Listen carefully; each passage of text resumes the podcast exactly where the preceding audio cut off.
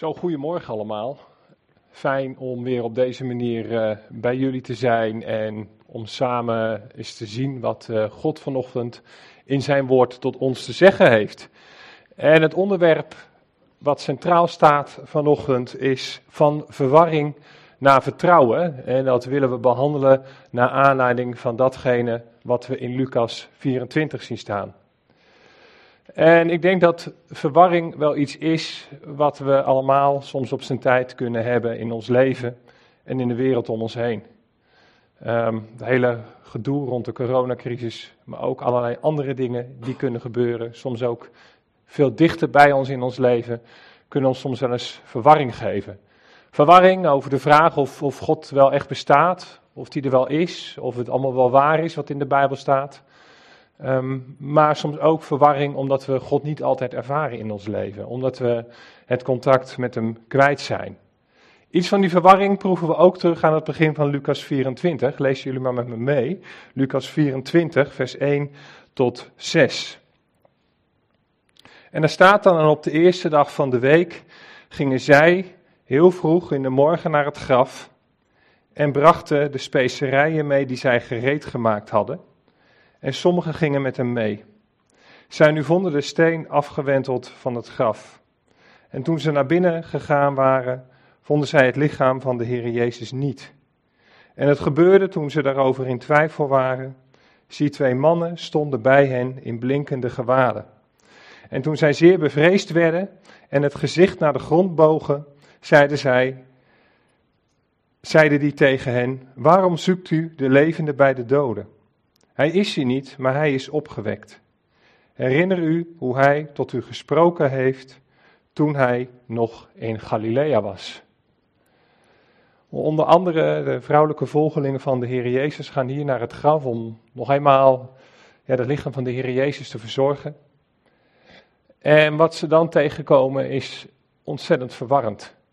En die verwarring hadden ze waarschijnlijk al eerder gehad op de dag van Goede Vrijdag, toen hun Heer en Heiland werd gekruisigd. Want dat was het laatste wat ze verwacht hadden. En nu bij het graf aangekomen treffen ze weer een verwarrende situatie aan. En daar lezen we ook over in vers 4. En het gebeurde toen ze daarover in twijfel waren. Ze waren het open graf binnengelopen. Zie, twee mannen stonden bij hen in blinkende gewaden. Ze waren in twijfel. Het was verwarrend wat ze zagen. Ze verwachten dat de Heer Jezus gestorven was. Ze verwachten een gesloten graf. Ze verwachten dat de Heer daar nog zou liggen. En dat was verwarrend. En ja, dan is even de vraag, hoe ga je met die verwarring om? En daar gaan we zo bij stilstaan. En zoals ik net al aangaf, we kunnen op verschillende manieren verward zijn. Verward zijn omdat we niet begrijpen wat er gebeurt en we kunnen gaan twijfelen aan Gods werkzaamheid, Gods bemoeienis met deze schepping maar soms ook twijfel of God zich bemoeit met ons. Bij dat laatste denk ik aan het verhaal van een jonge vrouw die na drie weken haar pasgeboren baby verloor. Plotseling overleed het gezonde kindje. Ze was compleet in paniek en dat is niet meer dan begrijpelijk. Maar ook nog maanden, half jaar daarna, had ze nog zoiets van: Heer, wat is er gebeurd? Ik geloof nog wel in u, maar ik ben het contact met u kwijt. En ik vind geen antwoorden. Ik weet niet hoe het nu verder moet. Ik denk vandaag ook even aan Henk, die zijn vrouw heeft verloren. Ik weet niet, Henk, hoe je er nu op dit moment bij zit. Maar ik kan me ook wel voorstellen dat het nu ontzettend moeilijk is. Zo op deze zondagochtend, waarin je misschien altijd samen met Ali ja, naar de spreekbeurt zat te luisteren. En dan zit je nu alleen. En misschien ook als iemand komt te overlijden, heb je aan de ene kant wel die hoop, die troost, waar Sadag het net ook over had. Maar aan de andere kant ook dat intense verdriet dat je alleen verder moet. Hoe nu verder? Dat is het geloof, soms. De andere kant, en dat lezen we aan het eind van deze geschiedenis van Lucas 24, kunnen we soms ook overstromen van geloofsvertrouwen.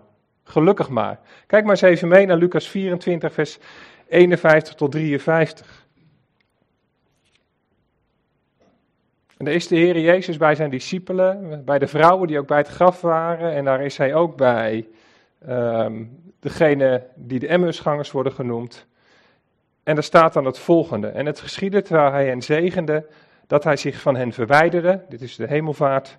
En hij werd opgenomen in de hemel. En zij aanbaden hem en keerden terug naar Jeruzalem met grote blijdschap. En ze waren voortdurend in de tempel, terwijl ze God loofden en dankten. Amen. Ja, wat we hier zien is dat ondanks dat de Heer Jezus weg is, er een enorm geloofsvertrouwen is, er een enorme blijdschap is. Ze hebben weer moed gevat. En dat is wat we ook mee kunnen maken in ons leven. Dat we ons misschien wel juist door allerlei moeilijke omstandigheden heel erg dicht bij God voelen. En dat is uiteindelijk waar het in deze geschiedenis, die begint met twijfel en die begint met verwarring uit, uitkomt. En dan is nu de vraag van ja, hoe komen we uiteindelijk van verwarring tot vertrouwen? En daar hoop ik vanochtend wat over te zeggen. En als we dan zo naar Lucas 24 kijken, dan vinden we eerst twee, ja, een soort toch van, van snelle oplossingen. Soms kan dat ineens gebeuren, dat iemand een woord tegen je zegt, of dat je een woord leest in de Bijbel, of dat er iets gebeurt. En ineens gaat dat knopje om en dan snap je het allemaal en dan zie je het allemaal. Kijk maar eens mee wat er in Lucas 24, vers 8 gebeurt. En dan pakken we vers 7 bij, want we hebben al tot uh, met vers 6 gelezen van Lucas 24. Daar zeggen dan die twee mannen, die, die engelen bij het graf tegen de vrouwen, de zoon des mensen moet overgeleverd worden in handen van zondige mensen en gekruisigd worden en op de derde dag opstaan. En zij herinnerden zich zijn woorden. En toen zij teruggekeerd waren van het graf, berichtten zij dit alles aan de elf discipelen en aan alle anderen. De vrouwen horen hier de woorden van die engelen bij het graf en ze geloven het. En hier kom je heel duidelijk ook het principe tegen, het geloof is uit het horen. En dat horen, daar zit dan ook vervolgens ook een kern in van dat je moet gaan gehoorzamen. En het gehoorzamen vinden we bij deze vrouwen terug, dat ze naar de anderen terugkeren en hen het evangelie verkondigen. Ineens hoor je het, ineens begrijp je het. Denk aan bekenden van ons, en um, ja, gezin, twee jongens van ergens in begin twintig. Een aantal jaar geleden heeft zij een hersentumor gekregen. Een hele agressieve vorm van hersenkanker. En het zag er heel slecht uit. Uh, uiteindelijk is het, heeft ze geopereerd kunnen worden en behandeld kunnen worden. Um, en heeft ze uiteindelijk een soort uitstel van executie gekregen. Dat was al een wonder op zich. Maar nu, een paar jaar later, is de hersentumor toch weer teruggekeerd. En behandeling lijkt op dit moment niet te baten. Of niet meer te baten. En eigenlijk is het wel zover dat het niet lang meer zal duren voor ze komt te overlijden. En toch proef ik in het contact met hen een ontzettend geloof. Ja, we maken er nu nog het beste van, maar we, maar we zijn wel blij met de jaren die we hebben gehad. En we weten in wie we onze hoop hebben. Daar klampen ze zich eenvoudigweg aan vast. En als je daarover na gaat denken, dan kun je dat vaak niet begrijpen, dan kun je dat vaak niet vatten. Maar daarin vind je dan de kracht van het geloof terug. Het geloof dat eigenlijk zoveel is als een bovenredelijk denken. Wat ons ook door God gegeven wordt. Horen en dat vervolgens geloven. Geloven wat je hoort. Een andere manier vinden we bij Petrus terug. In vers 12. Daar lezen we eerst voor dat de meeste van de volgelingen van de Heer Jezus de woorden van de vrouwen kletspraat vonden. En ja, dat was ook een beetje in die tijd zo, dat vrouwen niet serieus genomen werden. En dat wat vrouwen zeiden, dat dat als onzin werd afgedaan. Het is mooi dat het hier juist in de Bijbel staat dat vrouwen juist als getuigen worden opgevoerd. En dat maakt de Bijbel in bepaald opzicht ook wel weer uh, extra geloofwaardig. Dat er niet een gelikt verhaal komt, maar dat juist vrouwen opgevoerd worden als getuigen. Wat doet Petrus? Die gaat op onderzoek uit. Maar Petrus stond op en snelde naar het graf. En toen hij zich vooroverboog, zag hij alleen de linnen doeken liggen. En hij ging weg en verwonderde zich over wat er gebeurd was. Het woordje verwonderen vind ik mooi. Als je van verwarring naar vertrouwen gaat, dat is uiteindelijk ook de kunst om die verwarring om te laten slaan in verwondering. Verwarring is dat je ehm, iets niet weet, dat je er angstig van wordt, dat je ook gaat twijfelen aan alles wat er om je heen gebeurt. En ja, dat je in zekere zin dan ook de weg kwijtraakt. Als je je gaat verwonderen, dan begrijp je ook niet wat er gebeurt. Maar heb je nog wel ergens dat vertrouwen dat het goed is wat er gebeurt en dat daar vast een hogere bedoeling achter zit. En dat is wat we bij Petrus zien. En als je dan verderop in dit gedeelte kijkt, dan zien we dat die verwondering, dat zie je hier niet in vers 12 en de, en de, en de, en de omliggende versen niet beschreven, maar wel verderop in dit gedeelte. Dan zien we dat hij daar toch dan uiteindelijk daardoor de Heer Jezus ontmoet. Van verwarring komt hij toch in actie en dan verwondert hij zich over wat er gebeurt. Hij, hij, hij gaat de feiten na, hij trekt de feiten na. En dan komt hij tot verwondering en uiteindelijk tot de ontmoeting met de Heer Jezus. Kijk maar mee wat erover staat in vers 34. Die zeiden, dat gaat even niet om die eerste woorden, maar om de laatste woorden van de vers, die zeiden, de Heer is werkelijk opgestaan en is aan Simon verschenen. Nou, dat is dus blijkbaar een gevolg geweest van het feit dat hij naar het graf is gegaan. Ik volg nu eventjes de beschrijving vanuit Lucas. Je zou er nog allerlei andere evangeliebeschrijvingen kunnen leggen, maar ik beperk me alleen even tot wat hier in Lucas staat. Want dat is ook zo als Theophilus, dus degene aan wie Lucas, voor wie Lucas dit evangelie schreef, de boodschap ontvangen heeft. Die had ook niet alle informatie, die had ook niet de informatie die wij nu hebben vanuit de omliggende Bijbelboeken. Twee snelle oplossingen dus. Door te horen wat er tegen je gezegd wordt, of door op ontdekkingstocht te gaan. De feiten te controleren, de feiten te verifiëren. Maar het werkt niet altijd. En dat zien we ook in dit gedeelte terug. Namelijk als je niet gelooft wat je hoort. Daar lazen we in vers 11 net over. En de, hun woorden, de woorden van de vrouwen, leken hun kletspraat en zij geloofden hen niet. Als je het woord niet wil geloven, als je het woord zelfs niet wil horen. Want horen is uiteindelijk ook gehoorzamen en gehoor aangeven. Een andere manier vinden we terug bij de Emmausgangers. Wat doen de Emmausgangers? Die lopen weg voor wat er gebeurt. Die lopen weg voor wat er gezegd wordt. Laten we eens even kijken wat erover geschreven staat. En dan lezen we vers 13 en 14 van Lucas 24. En zie, twee van hen, twee van de volgelingen van de Heer Jezus, gingen op diezelfde dag naar een dorp dat 60 stadien, dat is ongeveer 11 kilometer, van Jeruzalem verwijderd was en waarvan de naam Emmaus was. En zij spraken met elkaar over al deze dingen die gebeurd waren. Ja, waarom staat dit er en waarom wordt dit beschreven? Dat is een goede vraag. We zullen het in het verloop van het gedeelte nog wel zien. Allereerst even de vraag, wie zijn die Emmausgangers? Eentje wordt de Cleopas genoemd. In de Bijbel vinden we er verder geen uitleg over. Maar als we op de overleveringen afgaan, dan zou deze Cleopas dezelfde zijn als Clopas, die we elders in de Bijbel tegenkomen. En dat zou dan een oom van de Heer Jezus zijn. En degene die met hem zou zijn, dat zou zijn zoon Simeon zijn, die later uh, ook uiteindelijk de leider van de christelijke gemeente in Jeruzalem zou worden. Tenminste, dat zeggen de overleveringen. En over Cleopas wordt gezegd dat het huis in Emmaus, waar zij uiteindelijk met de Heer Jezus de maaltijd houden, dat dat zijn huis is en dat hij daar later als martelaar is gestorven. Nou, hoe het ook zij, het is altijd wel kenmerkend bij Lucas dat Lucas altijd data noemt, plaatsen noemt en personen noemt. Dat doet hij om zijn toehoorde Theophilus te overtuigen. Het is ook belangrijk dat we de data verifiëren, dat we verifiëren wat er gebeurd is. En dat is ook bijvoorbeeld wat we Petrus zien doen als hij naar het graf gaat. Hij gaat kijken of de dingen zo zijn.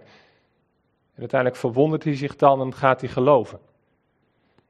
Een diepere betekenis die erin zit, en die hoorden we eigenlijk al net in het stukje van de kinderen, is dat God boven tijd en ruimte staat maar dat God tijd en ruimte heeft gemaakt bij de schepping.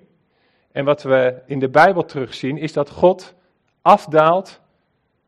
God die boven alle dingen staat, in tijd en ruimte.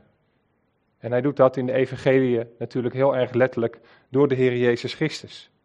En dat geeft ook aan dat God niet ver weg is, maar dat God nabij is. We hebben een gebouw bij ons om de hoek in Alphen aan de Rijn, een kerkgebouw van een evangeliegemeente. Dat heette vroeger nabij en dat is heel mooi, daar hebben ze van gemaakt. ook God is nabij, staat er nu heel groot op. En met zijn hand boven Alphen aan de Rijn. Symbolisch natuurlijk afgebeeld, maar God is nabij. God gaat met ons mee. En soms hebben we dat niet door. En dat zien we ook in de geschiedenis van de Emmausgangers terug. Hoe moeten we nou dat vertrek van die Emmausgangers duiden? Ja, ergens was het niet de bedoeling dat ze weggingen en daarom grijpt God in en daarom denk ik ook dat dit gedeelte in Lucas staat. Om te laten zien dat God ingrijpt en God wil laten zien dat die Emmausgangers niet hadden moeten weggaan vanuit Jeruzalem, maar dat het de bedoeling was dat ze in Jeruzalem bleven. Dat weten zij pas achteraf. En zo gebeurt dat soms ook in ons leven. Dat we een bepaalde weg ingaan, die dan achteraf niet goed blijkt, en dan grijpt God toch op een bepaalde manier in. En dat hebben we op dat moment niet altijd door. Maar dan zien we achteraf van, hé, hey, wat er nu gebeurd is, ja, dat ging bij mij niet helemaal goed, maar ik ben blij dat God ingegrepen heeft. En dat ik nu sta waar ik nu ben. Persoonlijk heb ik dat een jaar of twee geleden meegemaakt. Toen ik van baan wisselde en ik op niet zo fijne manier bij mijn werkgever wegging. En dat had ook te maken met hoe ik in mijn werk stond. Ik was soms wel een erg ongelijk projectiel. En dan krijg je vervolgens een depressie. En als je in zo'n depressie zit, ja, dan denk je, waarvoor is dit nou nodig? ik kan u een heel lang verhaal erover vertellen. Nou, als je het nou echt wil weten, en ik haalde net al twee andere verhalen aan. Eh, onlangs is mijn boek uitgeschreven, uitgekomen, Omgaan met tegenslag. Dus dat deels ook mijn eigen verhaal, maar vooral ook de verhalen van anderen. En ook in die verhalen van anderen zie je soms dat er dingen gebeuren. Maar dat God dan toch het niet altijd zo bewerkt. Dat hoeft niet altijd zo te zijn, maar wel de dingen ten goede mee wil laten werken. En zo zien we dat hier ook. Kijk maar eens mee naar Lucas 24, vers 49. Die Emmelsgangers gingen dus weg vanuit Jeruzalem naar Emmaus. En dat was niet de bedoeling. Want uiteindelijk de bedoeling was, dat zien we achteraf aan het einde van dit verhaal, namelijk dat ze in Jeruzalem zouden wachten. Totdat de Heilige Geest over hen zou komen. Want wat lezen we in Lucas 24, vers 49? En zie, ik zend de belofte van mijn vader op u, maar blijft u in de stad Jeruzalem, totdat u met kracht uit de hoogte bekleed zult worden. Dat was de bedoeling. En dat de Heer Jezus dan aan hen verschijnt, kunnen we dan zien als, hé, hey, ze worden teruggefloten. Ze moeten weer teruggaan naar Jeruzalem. Ja, dus het was niet zo goed dat ze weggingen eigenlijk. Ze verlaten de plek waar ze hadden moeten zijn, maar dat konden ze nog niet helemaal weten. Wat ook niet zo goed is, is dat ze ja, dat paasfeest duurde zeven dagen, dat braken ze ook af. Ze gingen voor het einde van het paasfeest, gingen ze uit Jeruzalem weg. En wat, ook, wat ze ook deden, wat ook niet goed was, is dat ze de zeven dagen van rouw doorbraken die de Joden gewoon waren te houden. Denk maar eens bijvoorbeeld aan Job, dat zijn vrienden blijven zeven dagen bij hem zitten. Bij de Joden worden zeven dagen van rouw gehouden, waarin je continu bij de achtergeblevenen blijft. Daar is continu iemand om die, bij die persoon aanwezig. En dat doe je voor die persoon. Je dient hem, je bent er voor hem. Nou, in dat opzicht laten die Emmausgangers hun medegelovigen in de steek. Eigenlijk zou je kunnen zeggen, wat hier gebeurt, is dat ze in verwarring blijven hangen. Want hoe kun je, als je weet dat je dat paasfeest eigenlijk nog af moet maken, en als je weet dat het van belang is dat je bij je medegelovigen blijft, hoe kun je dan toch vertrekken? Dan kan het niet anders zijn dan dat je nog in verwarring bent. Er zit ook een positieve kant aan het verhaal. En dat is dat ze samen optrekken. Ze gaan samen. Ze gaan niet alleen. En dan ook wat we in vers 14 lezen. En zij spraken met elkaar over al deze dingen die gebeurd waren. Ze blijven in gesprek, maar ze blijven ook in contact met God. En ze houden daarmee de deur open voor een ommekeer.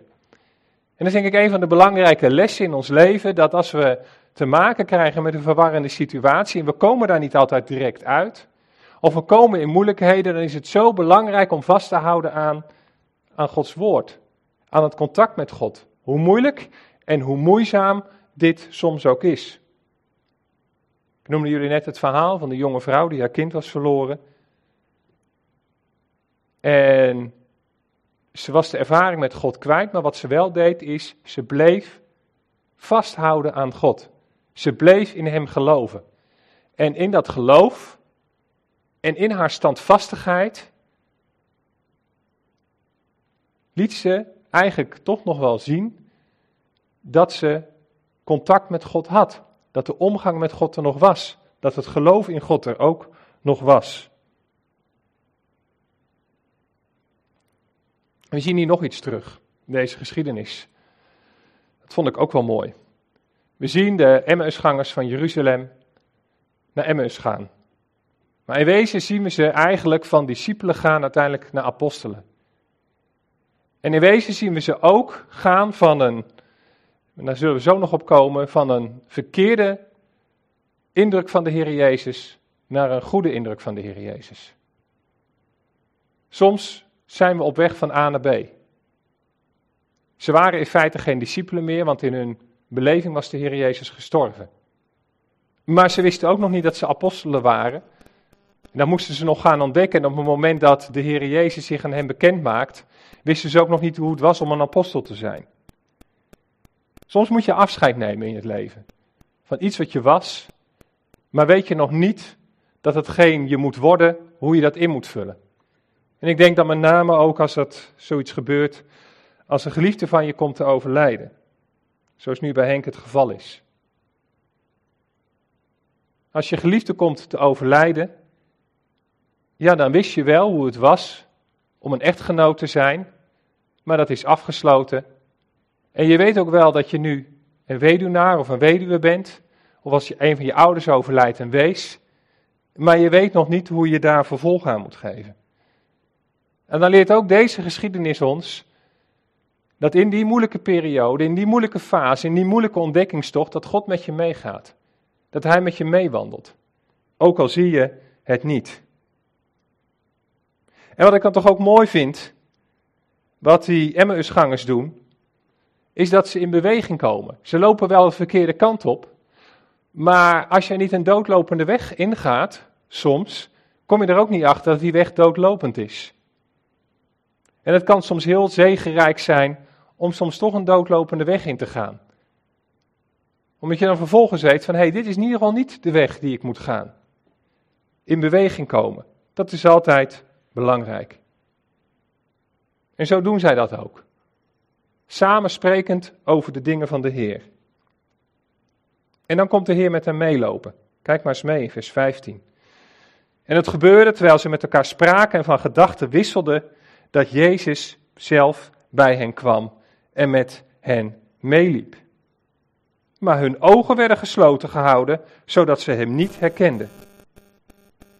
En hij zei tegen hen: Wat zijn dit voor gesprekken die u al lopend met elkaar voert? En waarom ziet u er zo bedroefd uit? Ze waren diep in de rouw. En ik denk ook in verwarring. Waarom bleven hun ogen gesloten? Allereerst hadden ze een verkeerde visie op de Heer Jezus. Kijk maar eens mee naar Lucas 24, vers 21, wat die Emmausgangers zeggen. Ze zeggen daar, en wij hoopten dat hij het was die Israël zou verlossen. En dat ging dan om een nationale verlossing. Een verlossing van de Romeinen. Maar al met al is het vandaag de derde dag sinds deze dingen gebeurd zijn. Sinds de Heer Jezus gestorven is en uiteindelijk begraven. Ze hebben een verkeerde voorstelling van het werk van de Heer Jezus. En in dat opzicht kunnen ze hem niet zien zoals God het bedoeld heeft dat hij zou komen. Dat zien we overigens ook, zoekt u maar eens mee, in Handelingen 1 vers 6 terug. Daar, hebben ze, daar kennen de discipelen de opgestane Heer al. Maar ze snappen nog steeds niet helemaal hoe de dingen in elkaar steken. En dat voortschrijdend inzicht, dat komt pas veel later. En dat zie je eigenlijk ook wel terug in de ontwikkeling van de apostolische brieven. En van de brieven van Paulus. Zij dan, die samengekomen waren, handelingen 1 vers 6, vroegen hem, Heren, zult u in deze tijd voor Israël het koninkrijk weer herstellen? Terwijl het op dat moment het moment juist was om het verzoenend lijden en sterven van de Heer Jezus te verkondigen. Nou, dan gaat de Heer Jezus hen dat nog maar eens een keer uitleggen. We zijn soms een beetje moeilijk van gehoor voordat we dingen gaan begrijpen. En soms gaat het om kleine dingen.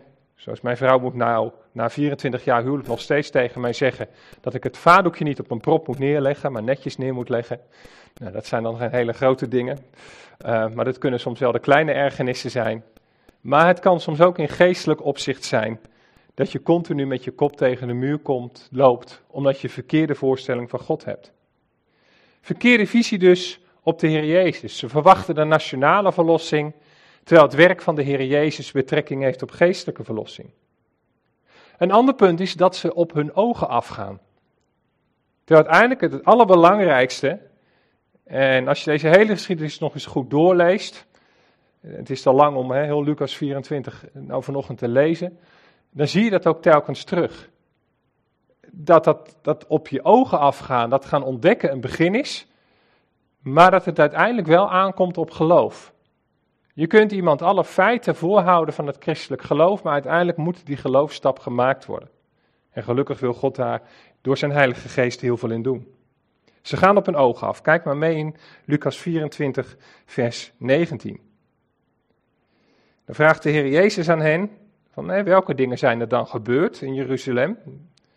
En ze zeiden tegen hem de dingen met betrekking tot Jezus de Nazarener. Hij loopt naast hen, maar ze hebben het niet door. Die een profeet was. En er staat er machtig in werken en woorden van God. Machtig in werken. Ze gaan eerst op de werken af en dan op de woorden. Maar ook die woorden, dat machtig kun je ook op die, in die woorden zien.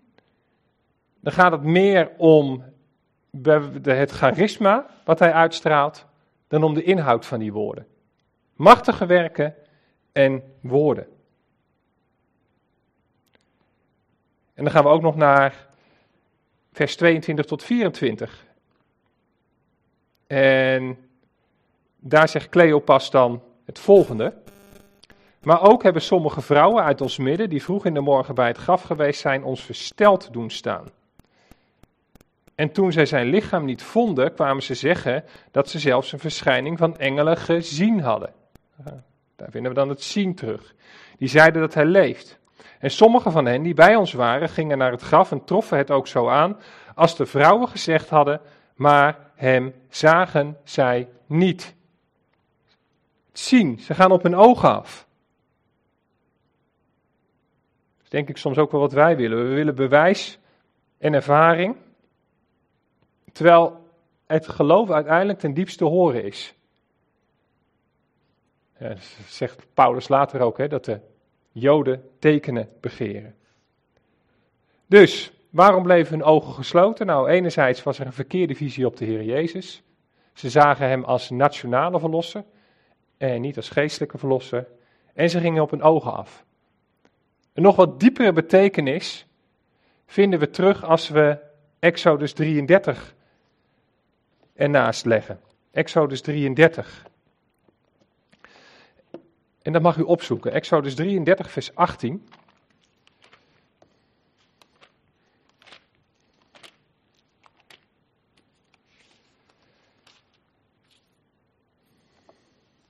Bij de Joden worden bepaalde momenten in het leven als zeer bijzonder gezien. En dat zijn dan vooral de momenten dat um, je in aanraking juist komt of met ontstaan van leven of met het intreden van de dood.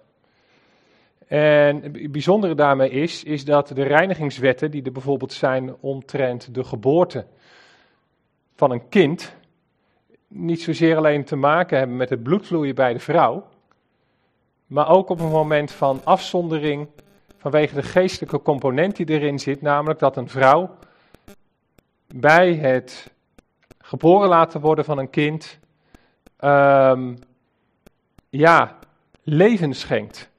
Er gebeurt iets wat vanuit de Joodse denken ontzagwekkend is. Er ontstaat leven, er wordt een kind geboren. En tegelijkertijd was het, vooral dan in die tijd, en deze tijd minder, ook een hachelijke zaak soms om te bevallen, omdat je daar als vrouw het leven kon laten.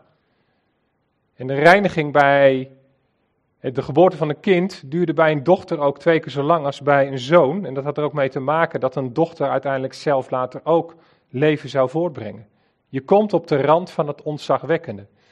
En dat zien we ook trouwens terug in de geschiedenis van Exodus um, ehm, 33. En, en, overigens gebeurde hetzelfde hè, op het moment dat je te maken had met het verzorgen van een dood lichaam. Ook dat was aan de ene kant een fysieke reiniging, maar er zat ook een component achter van ja, je bevindt je op de grens van leven en dood. Je komt op een grens waar je als mens eigenlijk ja, niet zonder consequenties overheen kan gaan. Nou, zoiets onzagwekkends vinden we ook in Exodus 33 plaats. Het onzagwekken had ook te maken met de ontmoeting met God. De mens is op de aarde en God leeft in de hemel en de mens kan niet zomaar, zoals Paulus dan zegt, ten hemel opstijgen. Wie zou ten hemel opstijgen? Of zoals elders staat, ja, we kunnen niet God zien en leven. En in dat opzicht, ja, zou je ook eigenlijk dan wel kunnen zeggen dat de Emmausgangers door de Heer Jezus voorbereid worden op een ontmoeting met het onzagwekkende, namelijk met de opgestane Heer. Wat ook, ja, zeg maar zelfs over de grens van dood en leven ging. Maar laten we het ook eens even dan leggen naast Exodus 33, want daar zien we Mozes op de grens van het ontzagwekkende. En daar lezen we dan, toen zei Mozes, en dat gebeurt dan bij de wetgeving, toon mij toch uw heerlijkheid. Maar hij, God, zei, ik zal al mijn goedheid bij u voorbij laten komen en in uw aanwezigheid zal ik de naam van de Heere uitroepen. Maar ik zal genadig zijn voor wie ik genadig zal zijn en ik zal mij ontfermen over wie ik mij ontfermen zal. Dat maar mag overigens uh, weggelaten worden, maar ik zal genadig zijn voor wie ik genadig ben. mag gewoon staan, ik zal genadig zijn voor wie ik genadig zal zijn. En dat is wat de aanwezigheid van God oproept. En hij zei verder, en dan komt, komen we op de, de, waar het om gaat. U zou mijn aangezicht niet kunnen zien, want geen mens kan mij zien en in leven blijven. Nou, dat noemden we net al. Ook zei de Heer, zie hier is een plaats bij mij waar u op de rots moet gaan staan. En het zal gebeuren als mijn heerlijkheid voorbij trekt, dat ik u in een kloof van de rots neer zal zetten en u met mijn hand zal bedekken totdat ik voorbij gegaan ben. En zodra ik mijn hand wegneem, zult u mij van achteren zien, maar mijn aangezicht zal niet gezien worden. Gods verschijning is voor Mozes te ontzagwekkend. Hij zal dat niet overleven. En daarom houdt God een hand voor hem. En die hand zien we in zekere zin ook terug in eerste instantie bij de Emmersgangers. De Heer Jezus trekt met hen op. En pas als de Heer Jezus gesproken heeft, heeft zien ze hem. En hier zien we het bij Mozes ook, dat God eh, aan hem voorbij gaat. Hij houdt zijn hand voor hem. Hij mag niet zijn aangezicht zien, maar hij ziet wel zijn achterkant. Ze zou kunnen zeggen van ja, de Emmersgangers bevinden zich op de grens van de ontmoeting met het onzagwekkende en moeten daarop voorbereid worden. Een nog wat diepere les en ook een diepere vergelijking die we hierin tegenkomen, is dat vanuit het Joodse denken, Exodus 33, wordt uitgelegd als: we zien Gods aanwezigheid niet zozeer in ons leven, wat voorwaarts gaat, en we zien God ook niet altijd met ons mee optrekken als we door het leven gaan. Maar we zien dat pas terug als we terugkijken op ons leven. We leven voorwaarts, maar we geloven achterwaarts. Doordat we terugkijken op ons leven. Van daaruit is dat gedenken ook bij de Joden zo ontzettend belangrijk. En in het gedenken, daar ontmoeten we dan ook God. Nou, en dat, zien we natuurlijk ook hier in dit gedeelte terug. Mozes ziet God aan de achterkant. We zien aan de achterkant van ons leven pas Gods bemoeienis met ons leven terug. U, ook dit is dan weer een reden en uitleg, of een interpretatie kun je beter zeggen, van waarom die Emmausgangers de Heer Jezus niet zien. Ze zien hem pas achteraf. We gaan naar het volgende punt. Hoe maakt de Heer Jezus zich dan vervolgens bekend? Dan gaan we even terug naar het 14e vers van Lucas 24. Gaan we even terug naar dat praten, dat samen optrekken. Want dat is iets belangrijk. Belangrijk wat we doen. In wezen doen we dat hier nu vanochtend ook. Alhoewel dit een beetje eenrichtingsverkeer is. Maar als je ochtends, zondagochtends de dienst beluistert. Soms ben je luisteraar. En soms ben je spreker. dan ben je in wijze ook met elkaar in gesprek. En zij spraken met elkaar over al deze dingen die gebeurd waren. Nou, dat is goed om met elkaar in gesprek te gaan, want er staat, en dat hoeft u niet op te zoeken, in Spreuken 27, vers 17. En ik citeer dat uit de nieuwe Bijbelvertaling. Zoals men ijzer scherpt met ijzer, zo scherpt de mens zijn medemens. Het is goed om met elkaar in gesprek te gaan. Niet zozeer in discussie, het gebeurt dan vaak, hè, discussie, dat de een de ander zijn mening probeert op te leggen. Het is altijd veel interessanter om naar een ander te luisteren en te ontdekken wat je van hem kan leren. En als je wat uitlegt, dan is dat in wezen datgene wat jij als waarheid interpreteert vanuit de Bijbel, maar wat je niet direct de intentie hebt om dat aan de ander op te leggen. Nou, dat is op een goede manier met elkaar in gesprek gaan.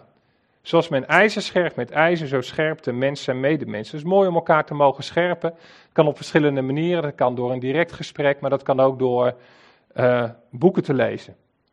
Ook een, een medium waar ik erg van houd. Dan denk ik ook aan Prediker 4, vers 9. Twee zijn beter dan één, want samen krijgen zij een goede beloning voor hun zwoegen. Nou, dat heeft niet alleen met het werk op het land te maken, maar dat is denk ik ook als je met z'n tweeën over de dingen van de Heer in gesprek gaat, dan kun je soms tot diepgaande ontdekkingen komen. En dan gaat het in dat gedeelte van Prediker 4 nog wat verder. Een paar versen verderop staat er dan: een drievoudig snoer wordt niet snel gebroken. Ja, en dat is natuurlijk wat we in wezen hier bij de Emmausgangers zien: dat de Heer Jezus erbij komt.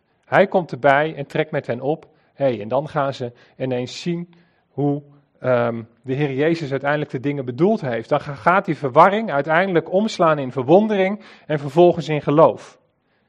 Het is wel bijzonder om naast dit vers, een drievoudig snoer wordt niet snel verbroken, in de relatie van het samengaan met de Heer Jezus met de Emmausgangers, Matthäus 18 te leggen. En dat mag u opzoeken.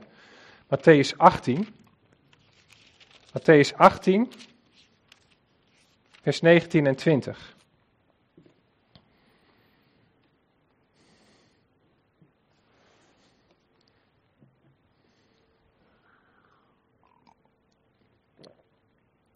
Matthäus 18, vers 19 en 20. Daar zegt de Heer Jezus zelf. Verder zeg ik u dat als twee van u op de aarde iets, wat dan ook, eenstemmig verlangen, het hun ten deel zal vallen van mijn Vader die in de hemel is. En dan zou je de geschiedenis van de Emmausgangers als volgt kunnen interpreteren.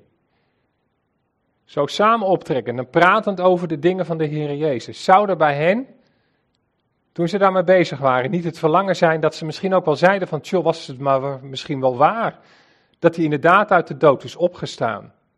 Of was de Heer Jezus hier maar bij ons om het ons uit te leggen? Als dat zo is, dan is dat in wezen de vervulling van wat hier in vers 19 staat. En als we de Bijbel wat meer op een Joodse manier uitleggen, dan is er wat meer vrijheid in interpretatie. Vanuit onze westerse Griekse denken moet het allemaal, en dat heeft ook zijn voordelen hoor, moet het allemaal exact kloppen, moeten we het allemaal qua bewijs kunnen duiden. Maar de Joodse interpretatie laat wat meer vrijheid. Nou, op de, als we op de Joodse manier dit interpreteren, zouden we kunnen zeggen, waarom verscheen de Heer, een Jood zou dat zo zeggen, waarom verscheen de Heer Jezus aan de Emmausgangers? Nou, omdat zij eenstemmig verlangden dat hij met hen meeging. Daarom kwam hij met hen oplopen. En dan nog vers 20 erbij van Matthäus 18. Want waar twee of drie in mijn naam bijeengekomen zijn, daar ben ik in hun midden. Ja, en dat is wat we hier ook zien. Twee trekken op in de naam van de Heer Jezus, want ze hebben het over de dingen van de Heer Jezus en dan trekt hij samen met hen op. En waarom gebeurt dat bij twee of drie? Nou, in wezen heeft dat ermee te maken dat daarmee het grote gebod wat God gaf aan zijn volk. En ik meen het ook terug te zien later bij de apostel Paulus. Namelijk het God liefhebben boven alles. En dat je naaste liefhebben als jezelf. Dat dat daarmee volledig vervuld wordt. Als ik in mijn eentje bijbelstudie zit te doen, is dat heel nuttig. Dan, dan, dan ben ik met de verticale lijn bezig. Ben ook bezig, als het goed is, als het goed is, met God liefhebben boven alles.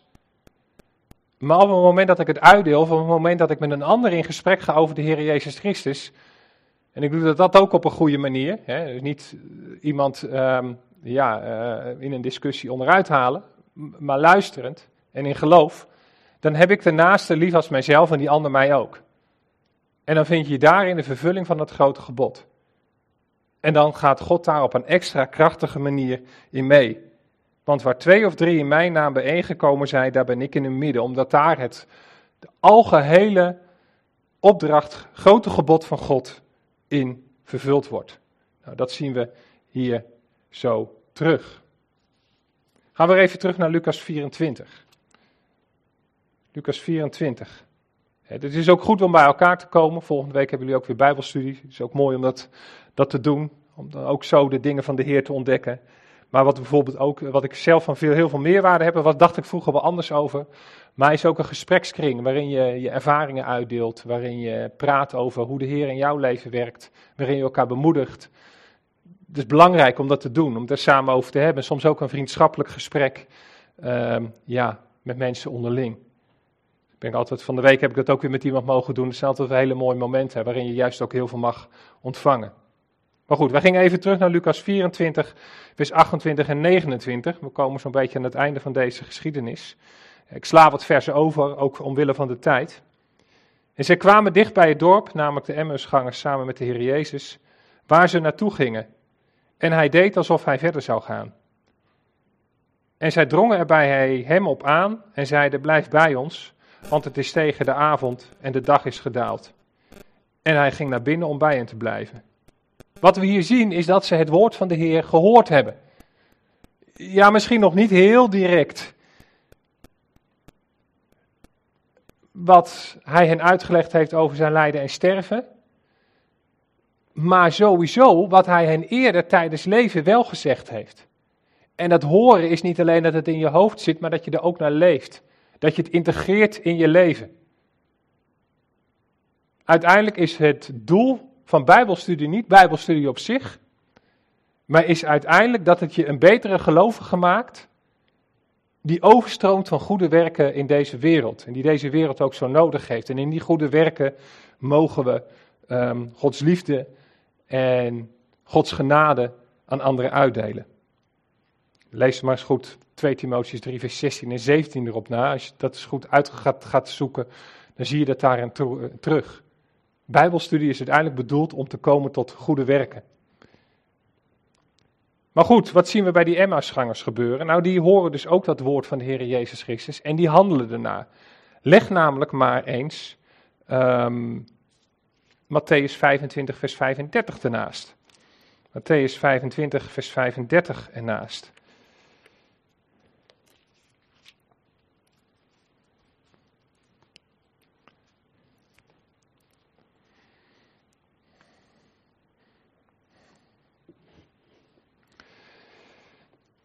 Maar dan staat, want ik had honger, en dat zegt de Heer Jezus dan, en u heeft mij te eten gegeven. Ik had dorst en u heeft mij te drinken gegeven. Ik was een vreemdeling en u hebt mij gastvrij onthaald. Dat is wat de Emmersgangers deden. Een vreemdeling ging met hen om, op, trok met hem op en ze hebben hem gastvrij onthaald. Ze wilden niet dat hij in het donker buiten bleef, maar bij hem binnen zou komen. Er wordt ook wel eens, wel eens gezegd van, ja, we kunnen Christus ontmoeten in het ontvangen van een vreemdeling. Nou, ik denk dat de geschiedenis van de Emmausgangers dat heel duidelijk aantoont. Nou, nou goed, als je dan naar dit gebeuren kijkt hè, eh, van de Heer Jezus, is dat hij met zijn spreken als het ware ook aanklopte bij die Emmausgangers. En dan denk ik dan aan wat later in openbaring 3 vers 20 staat. Zie ik staan de deur en ik klop. Als iemand mijn stem hoort en de deur opent, zal ik bij hem binnenkomen en de maaltijd met hem gebruiken en hij met mij. Ja, en dan zien we wat er gebeurt in vers 30 van Lucas 24. En het gebeurde toen hij met hen aan tafel aanlag dat hij het brood nam en hen zegende. En toen hij het gebroken had, gaf hij het aan hen. Zoals we straks zo mooi zullen horen in het lied van Sela aan het eind van de spreekbeurt, werd de gast de gastheer. En dat is mooi als dat in ons leven ook gebeurt. Als we de Heer Jezus met ons laten optrekken, dat hij dan uiteindelijk ook de allesbepalende factor in ons leven wordt. En dat we eerst denken van ja, ik stond er alleen voor. Denk aan het gedicht van die voetsporen in het zand. Maar uiteindelijk is het zo dat hij mij droeg. En uiteindelijk is het dan ook hopelijk onze wens dat we zeggen van ja Heer, wilt u niet alleen mijn gast in mijn leven zijn, Maar wilt u ook de allesbepalende factor, wilt u de gastheer in mijn leven zijn? En laat ik van uw brood mag eten. Nou, en dan zien we in Lucas 24, vers 31 dat hun ogen geopend worden. En hun ogen werden geopend en zij herkenden hem. Maar hij verdween uit hun gezicht. En waarom gingen hun ogen open? Omdat zij hem letterlijk, door naar zijn woord te, of door hem binnen te laten, maar ook figuurlijk door naar zijn woorden te horen, toelieten in zijn leven. Dan ga je hem herkennen. Als je de Heer Jezus toelaat in je leven, dan ga je ook steeds meer zien en ervaren hoe Hij met je meegaat. En hoe herkennen ze Hem dan? Ja, waarschijnlijk is dat dan zijn wonder geweest. Lees maar eens mee in vers 35 en vers 39 van Lucas 24. Daar vertellen ze tegen de andere volgelingen van de Heer Jezus wat er gebeurd is. En dan staat er, en hoe hij door hen herkend was bij het brooien van het brood. En toen zagen ze zijn wonden, zijn wonden in zijn armen. En dan in vers um, ehm, 39 staat er dan nog dat de Heer Jezus zelf zegt: Zie mijn handen en mijn voeten, want ik ben het zelf. Daarin kun je mij herkennen. We kunnen de Heer Jezus herkennen ook aan zijn lijden en sterven. We, we kennen de Heer Jezus nu als de opgestane en verheerlijkte Heer. Maar we herkennen hem ook aan de wonden ja, die getuigen van hoe hij voor ons leed. Zie mijn handen en mijn voeten, want ik ben het zelf. Raak mij aan en zie, want een geest heeft geen vlees en geen beenderen, zoals u ziet dat ik het heb. Ja, uiterlijke tekenen. En uiteindelijk zie je dan ook nog, en dat gaan we nu niet bij stilstaan, dat gaat te lang duren, dat ze dat dan nog wel zien, maar dat ze dan toch nog niet echt geloven. En dat ze pas echt beginnen te geloven als ze het woord horen. Dat blijft toch bijzonder in deze geschiedenis. Dat zie je telkens terug. Het is een telkens terugkerend patroon. Misschien is dat soms ook wel een terugkerend patroon in ons leven. Dat we, ja, soms zelf met rationeel proberen te verklaren wie God voor ons is. Dat we er niet altijd uitkomen, dat je het soms ook zoiets is van, ja, maar ik snap het niet, maar ik verwonder er me over en het gebeurt aan mij. Tenminste, ik ervaar dat vaak ook zo wel. Als ik ga nadenken over wat geloven is, ja, dan is het iets onbegrijpelijks. En uiteindelijk kan ik me alleen maar verwonderen. Ik ga ook nog even naar vers 32, een mooi vers is dat. Want daar zit ook wel weer iets in, waar die Emmausgangers later wat mee konden. En dan zeggen ze tegen elkaar: Was ons hart niet brandend in ons toen hij onderweg tot ons sprak en voor ons de schriften opende? Hun hart begon te branden toen de Heer Jezus met hen optrok. En op dat moment hadden ze nog niet door dat dat brandende hart hen ervan getuigde dat de Heer Jezus met hen meeging. Maar achteraf zien ze dat. En achteraf denk ik ook, hè, ons leven leven we voorwaarts, maar we begrijpen het achterwaarts is het zo dat we soms denken van, tjoh, ja, ik had het toen niet door, maar de Heer ging wel daadwerkelijk met mij mee. Weet je wat het mooie is? Als je nu weet dat zo'n brandend hart ervan getuigt dat de Heer Jezus met je meegaat. En je komt weer eens in zo'n moeilijke situatie. En je hebt weer dat brandende hart. Dan weet je nu van, hé, hey, op dit moment zie ik de Heer Jezus Christus niet, maar ik herken aan mijn brandend hart dat Hij met mij meegaat. Als ik persoonlijk even terugkijk op de tijd dat ik in een depressie zat, was eigenlijk het enige wat mij nog echt overeind hield, ja, was het, het bestuderen, het lezen in de Bijbel, boven in de rust, in de stilte van hun studeerkamer, en, maar ook van daaruit mijn plicht pakken als vader als, en als echtgenoot, maar ook als op dat moment hulpverlener bij de gemeente. Ook al was het geen fijne omgeving voor mij om te werken dat heeft mij vastgehouden. En ik weet als ik nu weer in moeilijke situaties kom, dat dat branden in mijn hart, ondanks een periode van duisternis, een kenmerk is dat de Heer Jezus Christus met mij, met u, met jou, iedereen van ons mee wil gaan. Nog een laatste vraag. Waarom verdween de Heer zo spoedig? Ik denk dat dat is, en ook dat is weer interpretatie, om hen de mogelijkheid Emmersgangers de mogelijkheid te geven om die dag nog terug te keren. Je zou kunnen zeggen, ze moesten zich omkeren. Ze moesten zich bekeren. Ze zaten op een doodlopende weg, want ze moesten niet in Emmaus zijn. Ze moesten terug naar Jeruzalem. En dat doen ze dan ook. Dat brandende hart, hè, dat, vanuit dat brandende hart komen ze in actie. En het was eigenlijk al een beetje zot dat ze dat zouden doen, want dat was al avond geworden en in de avond ging je niet terug. En dat was toch een dikke twee uur lopen. En waarschijnlijk iets langer, hè, want van Jeruzalem naar Emmaus daalde hij af, maar van Emmaus naar Jeruzalem moest je opstijgen. En dat is altijd een inspanning. Maar ze doen het toch. En op datzelfde moment stonden zij op en keerden naar, terug naar Jeruzalem. En vonden de elf discipelen en hen die bij hen waren bijeen. Dus ik ook de vraag aan ons: blijft ons hart enkel brandend in onszelf? Of komen we uiteindelijk ook, gaan we uiteindelijk ook over tot actie in ons leven? Laten we het een gevolg hebben. Ja. Nou, en dan lezen we um, nog vervolgens in vers 34 en 35, hè, dat ze bij de discipelen aankomen en die zeggen tegen hen, de Heer is werkelijk opgewekt. En dan komt er later nog wel weer wat twijfel, wat natuurlijk zo menselijk is als wat. dan zeggen ze ook, hij is aan Simon verschenen. En dan vertellen de Emmausgangers en ze vertelden wat er onderweg gebeurd was. En hoe hij door hen herkend was bij het breken van het brood. Goed, we gaan langzaam afronden. Ja, we zien hier zo dat verwarring omslaat in verwondering en uiteindelijk in vertrouwen, in geloof. En ik denk wat we wel hebben gezien bij de Emmersgangers is dat als we in een moeilijke situatie zitten, het uiteindelijk ook belangrijk is dat we in beweging komen. Dat we gaan luisteren, maar ook dat we gaan leven. En dat we in dat leven de Heer vragen om met ons mee te gaan. En ook op geloofsgebied is dat belangrijk. Soms hebben we bewijs nodig, zoals Petrus is het goed om dat te onderzoeken. Ik ga nu even reclame maken voor een ander boek. Daar werd ik op gewezen door Jacqueline en die zei dat is echt een goed boek. Ik heb hem thuis liggen en dat is het boek van Gabor. Eerste hulp bij ongeloof. Als je nou je twijfels hebt ehm, over het geloof. Over dat je denkt van dat kan toch niet waar zijn. Als het gaat om feitelijke twijfel. En ik heb het boek nog niet, heb nog niet gelezen, maar ik heb een stukje uitgebladerd. Het is echt een mooi boek. Nou, is dat een boek een aanrader om dat eens te lezen?